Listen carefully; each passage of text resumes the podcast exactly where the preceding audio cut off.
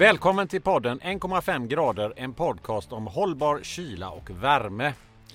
Som vi alla vet så finns det stora miljöproblem med köldmedierna som finns i värmepumpar och kylaggregat. Det gäller både den globala uppvärmningen och farliga ämnen som bildas när florerande kolväten som används i kylaggregat och värmepumpar bryts ner. I våras så kom EU-kommissionens förslag för revision gällande F-gasförordningen. Bakgrunden var bland annat EUs gröna giv från 2020 om vad vi behöver göra för att uppnå Parisavtalet. Då satt vi i den här podden och diskuterade vad resultatet skulle kunna tänkas bli. Urvattnade rekommendationer eller skarpa förbud? Nu, mina vänner, nu har vi facit.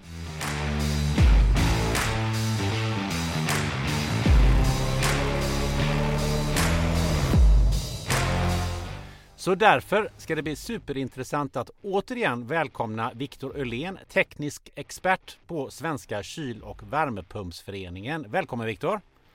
Stort tack! Kul att vara här igen. Visst är det och ännu roligare är det naturligtvis att som alltid hälsa eh, Andreas Bäckäng eh, välkommen. Du sitter i en studio tillsammans med Viktor eh, i Stockholm och du är VD på Enrad som utvecklar kylaggregat och värmepumpar där man använder naturliga köldmedier. Andreas, välkommen! Tack Gunnar! Tack, tack, tack! Jag heter Gunnar Österreich och jag sitter i en studio i Göteborg. Eh, Andreas, jag minns från i våras att du ville ha skarpa förbud. Du tyckte att EU-kommissionens förslag var mesiga och att lobbyisterna hade för stor makt. Dessutom så kommer jag ihåg att Sara Skyttedal fick sig en eh, känga. Med det sagt, vad känner du spontant idag Andreas? Eh, jag känner eh, utifrån det jag har hunnit läsa mig in på att det känns jävligt bra. Får jag säga. Eh, det blev, jag har varit väldigt orolig här. Jag har ju jagat Viktor här nu sen, eh, sen i somras eh, var och varannan vecka. Har du hört någonting? Vad händer? Så att det med utfallet som är nu så får jag nog ändå säga att det, det blev ju faktiskt bättre än vad jag hade hoppats på i sista änden då. Det har tagit lite tid va och skapat lite oro. Mm. Men Ja. Men du, du verkar ju ha ganska bra makt för du har ju sparkat på dem eh, nere på EU och dessutom så fick du ju faktiskt eh, Sara Skyttedal att, att eh, liksom fundera på om hon verkligen ska ställa upp i EU-valet. Ja, jag tänker också det. Det måste ju varit podden som gjorde uttalandet i podden som gjorde att hon funderade på det. Eller rättare sagt, det var alla kompisarna, så här, ledningen i Kristdemokraterna som hade lite funderingar på det. Det ska bli intressant att diskutera det här, men jag tänker att vi backar bandet lite och så att de som händelsevis inte har lyssnat på avsnittet från i våras eh, också hänger med då. Om vi kan ge en bakgrund till Eh, och vad det var som EU-kommissionen eh, föreslog i våras. Eh, Viktor, har, har, kommer du ihåg ungefär hur det eh, såg ut? En väldigt, väldigt kort bakgrund är ju att nuvarande förordning kom 2014 och sen under våren i år så kom det då ett förslag från EU-kommissionen på en ny förordning eller en reviderad förordning. Eh, och då går det ju till så inom EU att kommissionen tar fram ett förslag och sen så tittar eh, parlamentet på det här och ger sina åsikter på det här förslaget. Och sen så tittar även ministerrådet på det här förslaget och ger sina åsikter. Och slutligen så ska man då komma överens i en sån här trepartslösning eller trilogförhandling. Och förhoppningen var ju att den här trilogförhandlingen skulle vara klar under sommaren. Och det är därför Andreas har hört av sig stup i ett och undrat. Är det här klart? Är det färdigt eller? Eh, men först 5 oktober kom eh, de överens, alltså parlamentet och ministerrådet. Eh, och nu är det ju tyvärr så att det är ännu inte riktigt klart för de här olika parterna måste ta med det här förhandlade överenskommelsen tillbaka till sina egna grupper. Och parlamentet är redan klara. De har fått grönt ljus, så där är det klart. Men vi väntar fortfarande på ministerrådet om de ska säga bu eller b till den här överenskommelsen som har skett. Eh, vi håller ju verkligen tummarna att det blir så och troligtvis så kommer det bli så som vi ser nu. Men det är inte riktigt 100 procent. Vad har du för kommentarer till det Andreas? Vägen fram Nej, till idag nu? Ja. Nej men det har varit, jag har redan varit så eh, orolig över det fram tills nu så att eh, jag tänker jag har de förhandlat eh, så här länge och på det viset de har gjort. eh, och kommit fram till en, eh, alltså man har kommit överens så tänker jag, jag tror inte att de kommer att välja att, eh, så att säga, riva upp det på något sätt och, och försöka hitta på någonting nytt nu. Så att jag, nu känner jag mig ganska konfident då. Mm. Jag hoppas att inte jag har fel. Arr, Ja. Då får du väl bara åka ner Andreas. ja, det blir det. Jag kan säga att det kommer bli så. Jag Ja. kommer åka ner dit och snacka med dem. Låter jättebra. Eh, men då ska vi ju kasta oss in, kasta oss in i vad det här nya F-gasbeslutet eh, innebär. Viktor, du som har lite koll i stora drag. Vad, vad, vad är de viktigaste punkterna här? Det är ju den omöjliga frågan att svara på. Det är ju en jätte, jättestor reglering, 200 sidor eller någonting och massvis med nyheter. Men om man ska ta några stora drag i alla fall så, så finns det ju en sån här trappa. Hur mycket köldmedium får man sälja i EU eller får man sätta på den europeiska marknaden? Mätt i miljöpåverkan eller GV, vad heter det, koldioxidekvivalenter. Och om man ser där vi började med den gamla förordningen 2015 så fick man sätta då 180 miljoner ton koldioxidekvivalenter. Och idag har man stegat ner så vi är på 80 miljoner ton koldioxidekvivalenter. Och enligt den här överenskommelsen som jag pratade om då så under 2025 så ska man bara få sälja eh, ungefär 40 miljoner ton. Så det betyder jämfört med idag då så kommer miljöpåverkan eh, av de här köldmedierna man säljer halveras. Eh, om de läcker ut. Och sen så kan man säga att den här trappan fortsätter ner och det som är nytt och lite revolutionerande det är väl att fram till 2050 så går det ner till noll.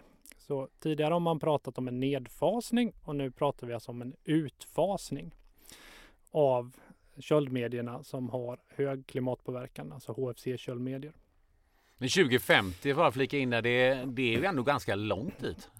Ja, det är ju väldigt lång tid. Men om man tar lite mer i närtid då, 2027, så kommer man halvera, så då får man sätta ungefär 20 miljoner ton eh, på marknaden 2027. Som, och det är ju då en fjärdedel av vad vi har idag 2023. Och de uppgifter och uppskattningar jag har sett så går det åt ungefär 20 miljoner ton att fylla på läckande aggregat i Europa.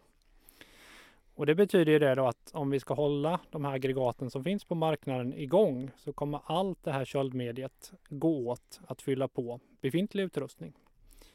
Så redan 2027 då så kommer vi med tillgången på HFC-köldmedier inte kunna producera några nya. Och det blir inga nya anläggningar som, som använder de här eh, köldmedierna heller då? Eh, Så som jag ser det så kommer det inte finnas tillräckligt med köldmedier för att göra det. Eh, Däremot så finns det massa olika förbud med datum längre fram. Men som jag ser det så är det här den stora begränsningen att tillgången på köldmedier av HFC-typ kommer begränsas så pass starkt. Vad tänker du kring den eh, regeln eh, Andreas? Ja, det är, ju, det är ju väldigt bra fast jag tycker fortfarande att eh, jag, är inte, jag blir aldrig nöjd. Så att det, det, det, kommer aldrig... Man, ska man vinna kan man aldrig bli nöjd. Eh, det är inte här heller nu. Men jag, jag ser att det kommer mycket annat eh, har gjort nu sista tiden. Eh, där man även, för vi pratar ju alltid om köldmediet när det väl är producerat och färdigt. Men det finns ju en, en produktionsprocess på det här också. Och den är ju riktigt eh, grisig då om jag förstått det hela rätt. Och det där eh, har jag sett det börjar lyftas fram en hel del där också. Så att Ja, eh, ja, men jag tror det här är, det här är dött liksom. Vi har sagt det många gånger, alla är ju liksom, det är Jurassic Park. Det är din, dinosaurier som, som är på väg ut igen här i den här branschen. Ändå har man inte riktigt trott det. Nej, det har man nog definitivt inte trott och eh, det är nog många som har hållit emot. Men där har vi eh, Andreas han efterfrågade ju sådana här tydliga förbud då som skulle komma framöver. Och då har vi fått massvis med förbud eh, beroende på vilken typ, beroende på vilken storlek, beroende på vilket köldmedia. Så det är liksom sammelsurium av olika förbud. Men om man ska ta ett av de här förbuden, så om man har mindre enhetsaggregat som används som eh, kylutrustning eller värmepumpar. Eh, jag tror vi kallar det enhetsaggregat i Sverige, upp till 12 kilowatt. Då säger man att de ska inte få innehålla F-gaser. Och det här är väl det som är den största revolutionen eller nyheten i det här förslaget. För tidigare har man alltid pratat om klimatpåverkan i F-gasförordningen. Men nu pratar man alltså om alla F-gaser, även HFO.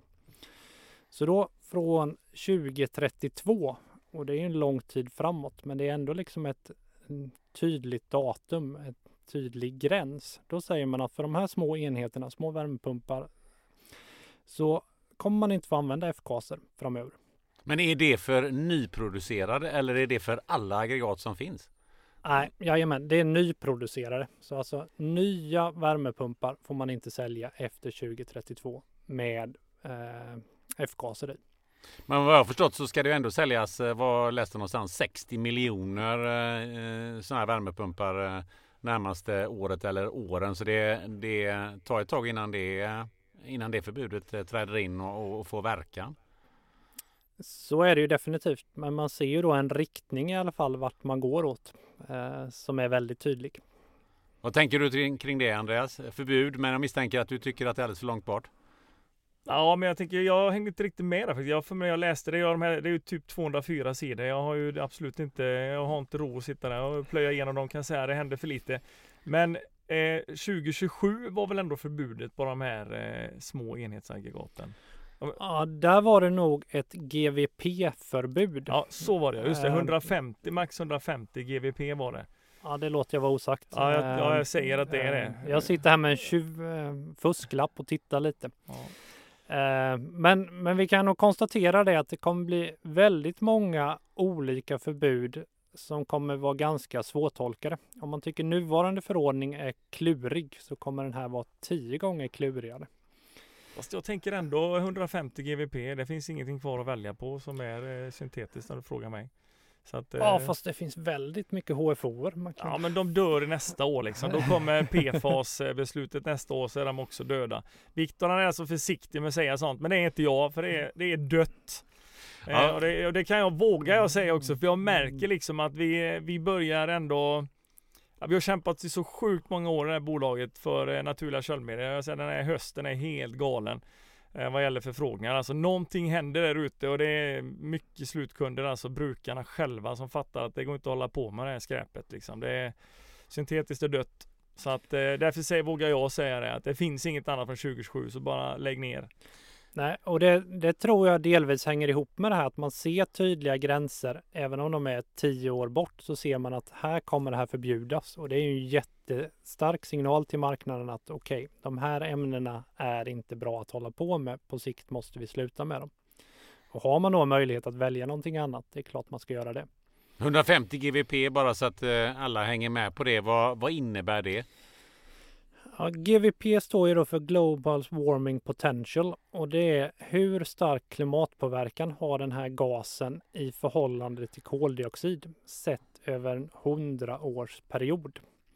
Så för koldioxid är ju det här talet 1 då och för eh, en köldmedia som har 150 så är det 150 gånger eh, mer klimathuspåverkan över en 100-årsperiod. Det låter ändå rätt mycket.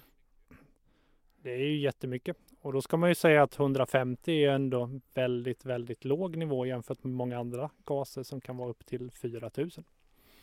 Då är han lite försiktig igen här Viktor tycker jag. För det, är, det här med 100 år håller jag att vi ska ha 20 år när vi mäter de här för vi ska vara korrekta. Men, men eh, och det har faktiskt IPCC ändå eh, lyft upp eh, i sina sista rapporter nu. Så där får du hålla med mig i alla fall Viktor. Att om 100 år är det ingen annan som mäter klimatgaserna utan man tittar på 2030, 2050 och då är ju de syntetiska GVP-värdena typ två, tre gånger så höga så att eh, ja. Ja, men det är helt riktigt att man kan ha olika syn på det här och ska man liksom göra en klimatinsats så måste man ju kolla på klimatpåverkan. Men när vi pratar eh, lag så råkar det då vara IPCCs fjärde rapport och 100 år som man tittar. Om man är intresserad av att även se 20 år så kan man gå in till exempel på alltomfgas.se för där har vi börjat fylla på både 100-årsgränsen då men även titta på vad, hur ser det ut på 20 år. Och då kan man ju se att det är mycket, mycket högre ofta på 20 år. Men jag kan säga till Viktor direkt, jag kommer hacka den sidan så det kommer bara vara 20 år här snart. 100 år försvinner vi ska plocka ner den sajten annars om inte det bara är 20 år. För det är ingen annan som mäter i 100 år. Så det är, det är lobbyisterna som har lyckats för väl. Tyvärr. Även där fick han klämt in någonting, gode Andreas. Eh, men jag har försökt att klämma in här. Det, är, det här måste ju slå väldigt hårt mot, eh, mot villamarknaden även om det är en, en bit bort. Vad säger ni om det? Nu finns det ju tid att ställa om. Nu finns det ju tid att utveckla nya produkter och eh, det är nog på gång hos de flesta, i alla fall svenska producenter, de här produkterna. Så eh, jag har god tillförsikt att det kommer dyka upp bra produkter som uppfyller de här kraven. Långt innan det så att säga är ett förbud då? Eller vad tror du? Ja, det är min förhoppning. Alltså det finns ganska många som har, eller men det finns några stycken som har produkter redan ute och jag vet att det är många håller jag ju hållt på det liksom för att eh, man vill ju sälja det som man har idag så länge som möjligt. Eh, och det, jag köper ju fortfarande inte det. Jag får ju sparka in eh, en dörr, ja, en dörr till då. Men alltså att inte man har tid, eh, det är ju också bara skitsnack. För jag menar, vi sa precis 2014 kom den första. Ja, vi vetat om hur länge som helst att det här ska hända. Så det kommer inte, man kan inte ursäkta sig som producent idag och säga att jaha, vi hinner inte. Det är ju bara, det är ju en vilja här liksom. Det är det det har handlat om alltihop. Så det är lika bra jag säger det här så att vi får det sagt. Att det, det är ju kommersiellt. Är det propan, det är det propan då som, som kommer ersätta det? Mycket tror man ju på propan inom väldigt många områden. Men det är ju även de andra naturliga köldmedierna. Det kan ju vara andra kolväten som isobutan eller pentan. Eller koldioxid och ammoniak såklart. Vad händer med, eh, med större anläggningar då? Vad finns det för regler där? Ehm, jag har än så länge inte börjat titta på det, så jag vågar inte kommentera. Men det kommer ju liknande förbud även där, fast det kanske är andra gränser och andra årtal som gäller. Men jag tänker ju att, eh, att det är, jag tänker utfasningen eh, gör ju att eh, det vill, jag tänker ändå det blir det som blir styrande på något sätt ändå här att eh, Fasar man ut tillgången på köldmedel så kommer det ändå påverkas. Eh, även om inte det finns några förbudsdatum så att säga. Man räknar ju ändå liksom man, minst en 15 års livslängd på sin, sin anläggning. Kanske en del till och med kalkylerar med mer. Eh, och det är ju, man går ju inte gärna och köper någonting för väldigt mycket pengar. För stora anläggningar blir stor, stora pengar många gånger i investering. Eh, och att göra en sån investering idag och veta att även om det ligger x antal år bort i tid Eh, Eh, så ska man ju ändå då, ja hur vet man då? För att läcker eller råkar läcka ut i samband med service eller så att säga läckage eh, rent som uppstår. Eh, de ska lagas och sen fyllas på då. Och då gäller det, ja vad har vi för tillgång på de här syntetiska köldmedlen den dagen man behöver det. Gör det att jag har en betydligt kortare livslängd på det jag investerar i. Så att det är Ja. Och där kommer ju också nya regleringar då på service och underhåll. Så till exempel om man kollar på kyl och fryssegmentet så har vi ju fram tills nu då haft förbud på eh, stora maskiner över 40 kilowatt. Eh, men nu kommer de även gälla mindre maskiner. Så redan 2025 så säger man att man inte får fylla på nytt köldmedium som har ett GVP-värde på över 2500 eh, på kyl och fryssidan. Eh, och sen 2030 så tar man bort det här med nytt så då gäller det alla köldmedium, alltså även regenererat och återanvänt. Så där är ju som Andreas säger att mm, om man räknar med att ha en livslängd på 20-25 år Eh, så får man ju ta in de här aspekterna också, att man måste kunna underhålla sina produkter. Eh, så, så det påverkar ju också såklart väldigt, väldigt mycket. Nej, men sen kan jag tänka mig också att eh, ehm, miljö och hållbarhetsprofilen på ett bolag blir ju inte jättebra om man eh, köper eh, anläggningar som man eh, egentligen från EU redan idag säger att eh, det här är inte bra och, och, vi kommer att förbjuda det här på ett annat sätt inom inom en överskådlig framtid. Så är det ju. Där kommer ju taxonomin in och jag är absolut ingen expert på den. Men eh, det här påverkar ju definitivt liksom eh, ett hus eller ett företags miljöprofil eller miljöpåverkan på något sätt. Så. Ja, för vi har haft ett avsnitt som, som handlat om taxonomin och, och det här påverkar det här också. Vad, vad, vad kan vi säga om det Andreas?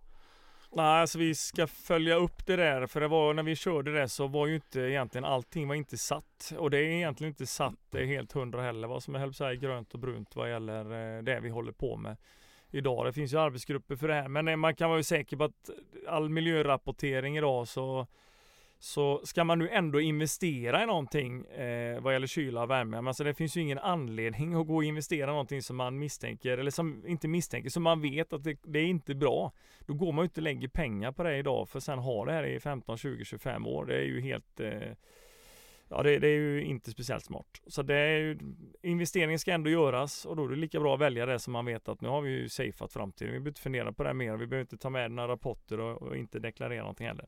Om vi börjar titta lite på, på konsekvenserna. Den första funderingen jag har är ju um, Kommer branschen kunna hantera uh, de här nya reglerna och hur i så fall?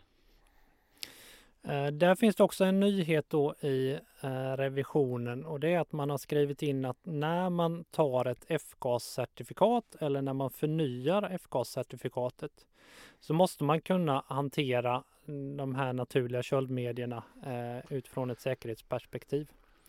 Så det betyder att alla som idag har ett F-gascertifikat kommer då inom ett par år kunna hantera de naturliga köldmedierna. Och det är också en väldigt, väldigt viktig eh, punkt för att vi ska kunna göra den här övergången på ett bra och säkert sätt, att alla känner sig trygga med eh, hanteringen. Om vi nu är inne på, eh, på branschen och, och installatörerna och, och, och, så här, vad, vad, vilka konsekvenser i övrigt eh, ser vi framför oss de närmaste åren? Ja, jag, jag, är inne på, jag, jag får nog fortsätta på spåret eh, kunskap och utbildning liksom. För att det, det är ju ändå där eh, det som har varit våran lite showstopper för våran del under många år. Att man är osäker helt enkelt på hur man ska hantera eh, köldmedierna. Eh, och då i vårt fall är det ju propan, propen, isobutan. Men jag har sagt det många gånger innan att de som tillverkar aggregat med naturliga köldmedier, de har ju ett ansvar att se till att det blir säkra aggregat och att de är även arbetsmässigt när man gör ingrepp eh, bra att arbeta med så att det inte ska uppstå farliga situationer. Sen bryter man kylkretsarna så är det oundvikligt. Du måste ha, då måste du ha koll på läget. Så att eh, det ligger ju ett ganska stort arbete just på utbildningssidan framåt. Och det kan jag, där vill jag passa på också promota det här med våra eh, våra filmer här nu. Jag hade ju ingen semester i somras, så jag gjorde film istället. Va? Och där har vi gjort eh, alla möjliga typer av, av eh, både animeringar och vanliga videos för att just kunna utbilda. Och vi får ju otroligt mycket frågor och kör väldigt mycket utbildningar också. Men vi är ett litet bolag Eh, och vi tänker ju att eh, vändningen, den är ju, känns ju som att den är här på något sätt och att vi, vi kommer inte att ha lika mycket tid och hjälpa till att utbilda folk. Vi kommer ha fullt upp med att få ut grejer helt enkelt på, på ställena. Så att eh, det behövs mer krafter där ute som hjälper till. Och jag vet att SKVP håller på att jobba med, med eh, skolorna, men jag har ju skällt på dem innan här. Att det, det har gått alldeles för långsamt. Eh, men det är ändå glädjande att höra. Vi har många, många yrkesskolor som faktiskt lyssnar på den här podden. Och de får faktiskt göra det på lektionstid med många elever. Så att det, mm. det, det är väldigt bra. Mm, det är en fjäder i hatten. Eh, med kunskap, vi har ju till och från pratat om, om konsulterna. Eh, hur mycket kunskap har de i det här fallet? Hur mycket be vad behöver de vidare framöver? Eh, jag har ju varit ute och pratat med några av de stora företagen i alla fall och eh, visst finns det ett behov av kunskap definitivt. Men jag tycker samtidigt att de har varit väldigt lyhörda och väldigt eh, mottagliga när man presenterar information. Så, och utifrån deras perspektiv så tror jag inte det finns något direkt motstånd till den här övergången utan de som alla andra behöver liksom tydliga spelregler och sen så rättar man in sig i ledet och eh, anpassar. Ja, för det var ju lite varit lite eh, den här eh, poddens, eh, en av poddens eh, missions där Andreas, att, att, också rikta oss till konsulterna och att, att, att ge dem utbildning och, och kunskap. Ja, och det vi, vi, får ju väldigt mycket positiv feedback på, eh, på det vi tar upp här. Men sen det, det är inte eh, att, att podden blir ändå svår kanske att omsätta rent praktiskt. Eh, det vi pratar om här alla gånger när du väl ska rita det på pappret då. Men där har vi ju kört rätt mycket utbildningar då, under väldigt många år. Eh, återigen, alltså filmerna kommer ge bra stöd eh, och vi kommer börja köra igång webbinar här efter eh, årsskiftet också regelbundet för, för att fortsätta utbilda. Men det finns väldigt, de är väldigt, många är oerhört positiva till omställningen där ute. Och det är en yngre generation konsulter som är oerhört drivande på många av de här stora bolagen, vilket är fantastiskt kul att både se och höra. Hur, hur ser vi på beställarna? Vad, vad behöver de ytterligare kunskap och, och så här, vad, hur, hur påverkas de? Eh, där tror jag det är lite delat. Eh, om man tar stora beställare så är de mer pålästa på klimatbiten och så. Medan privatpersoner eh, inte har så mycket koll på det här än så länge. Så ja, alla behöver ju alltid mer information. Så enkelt är det ju. Det måste ju också vara så att det, det innebär nya möjligheter och kanske och nya affärer, eh, inte bara för dig eh, på ändrade Andreas. Alltså vad, vad ser vi för affärsmöjligheter framöver genom att man inför den här typen av eh, regelverk? Troligtvis så driver det på försäljningen på alla möjliga plan. Istället för att underhålla gamla aggregat så kanske man investerar i ett nytt. Eh, och då får man ju förhoppningsvis ett mer energieffektivt förutom då att man har ett naturligt köldmjöl. Så det är nog väldigt positivt ur ett kommersiellt perspektiv också. Mm. Jag tänkte säga att den här branschen har ju, har ju levt på alla de här omställningarna hela tiden. Fast det är bara att nu efter naturliga köldmedel så finns det ingenting mer att, att välja sen. Så att nu det här är det, det är showdown nu, det är final.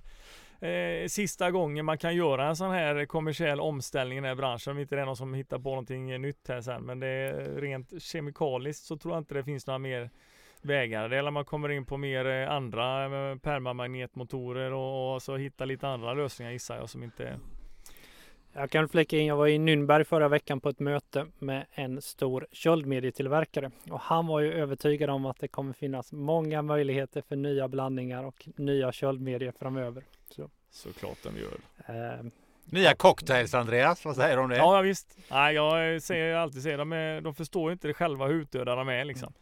Det de kan gå och lägga sig någonstans.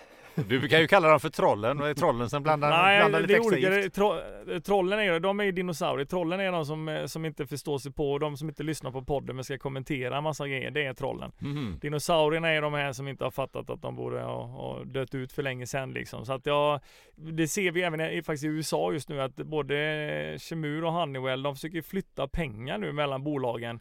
För det ligger så jäkla mycket stämningar nu på dem för att de har skitat ner dem med framförallt P-fasen. Så att det gäller att rotera cashen nu va, så att inte det blir eh, för dyrt. Så de, alltså jag, har, jag kan omöjligt tro att de, att de ska lyckas faktiskt eh, en gång till. Då, ska, då, då lägger jag ner kan jag säga direkt. Då ska inte jag fortsätta med det här. Om de lyckas, om de lyckas få fortsätta med någonting nytt eh, en gång till, då, då får jag nog kasta in handduken faktiskt. För det, det är stora, rika och starka eh, bolag att kriga mot. Så att eh, och nu tänkte jag att nu har vi ju vunnit va. Så säger Viktor att eh, de är på gång. Men det är, de har, vad ska de säga? De måste också äta. Så att de får välkomna in i, i branschen och hjälpa till och, och då kan vi börja sälja naturliga köldmedel. Även om de tjänar lika mycket pengar så kommer de få sälja desto mer tänker jag. Mm. Det låter så bra. Vi, eh, vi, alla vi runt omkring som inte är inne i, i branschen. Jag tänker som vad innebär de här reglerna om vi tittar lite utifrån en hållbar eh, framtid och få ner eh, koldioxidutsläppen och sådär? Vad, vad innebär det i stort? Ja, men jag tror det är ett jätte, jättepositivt steg och en jättetydlig riktning att vi ska gå mot de här naturliga köldmedierna på sikt.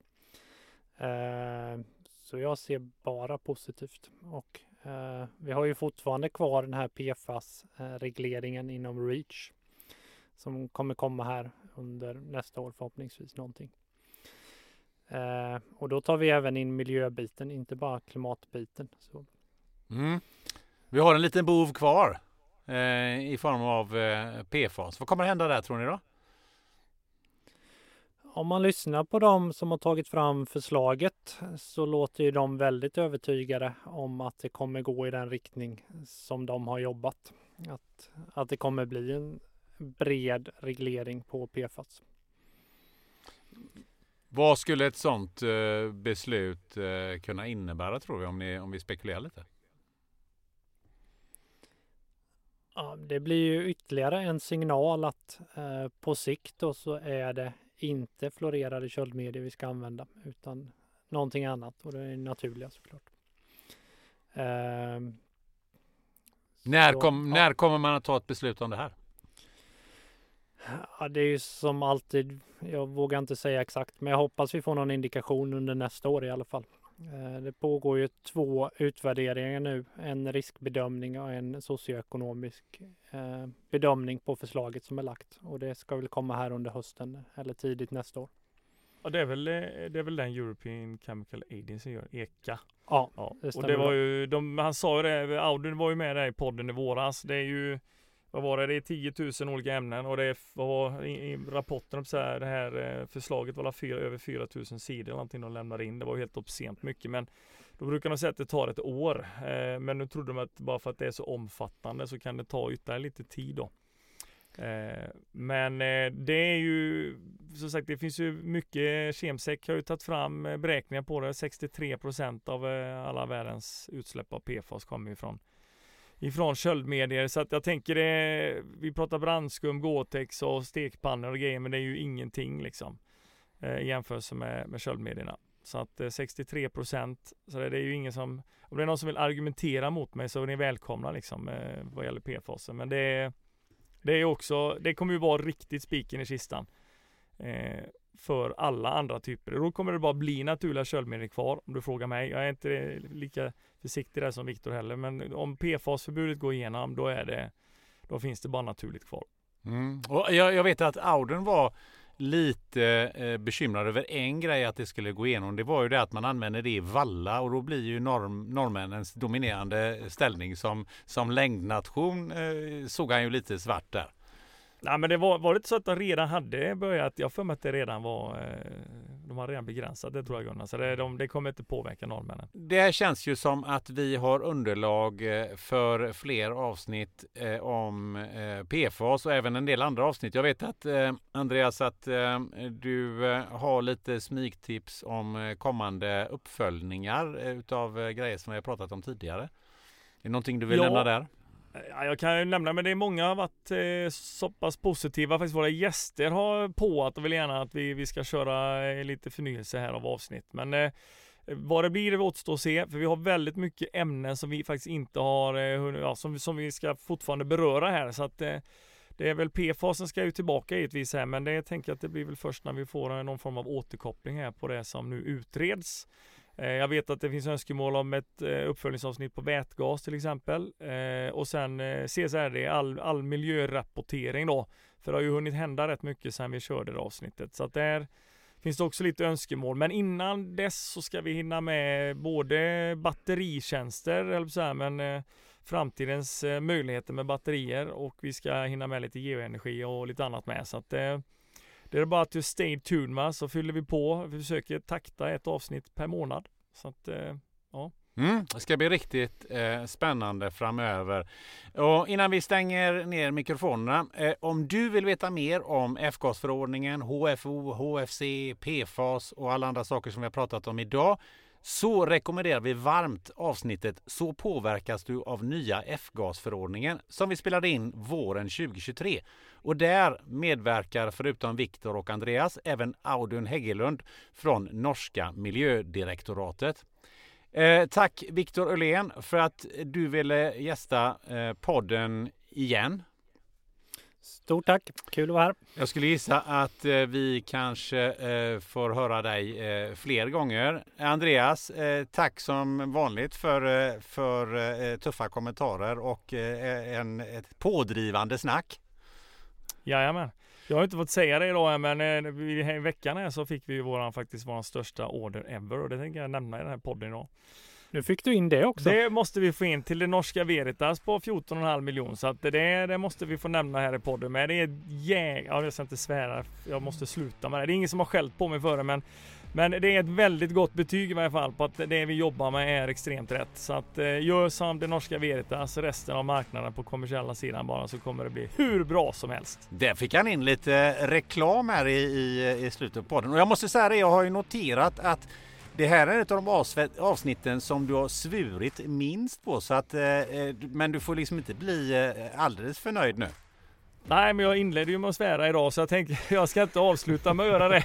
Så jag håller mm. igen. Det är många som tycker jag svär för mycket ibland, men det ingår i personligheten. Va? Det är ett driv, då är det lite jävlar fan också. Så att, ja, ja det, det där fick han till det lite på slutet. Ja, nu fick du fyllt den bägaren också. Bra yes. Andreas! Eh, och så vill vi tacka dig som har lyssnat på 1,5 grader, en podd om hållbar kyla och värme. Och som sagt, vi är snart tillbaka. Hej hej! Hej då!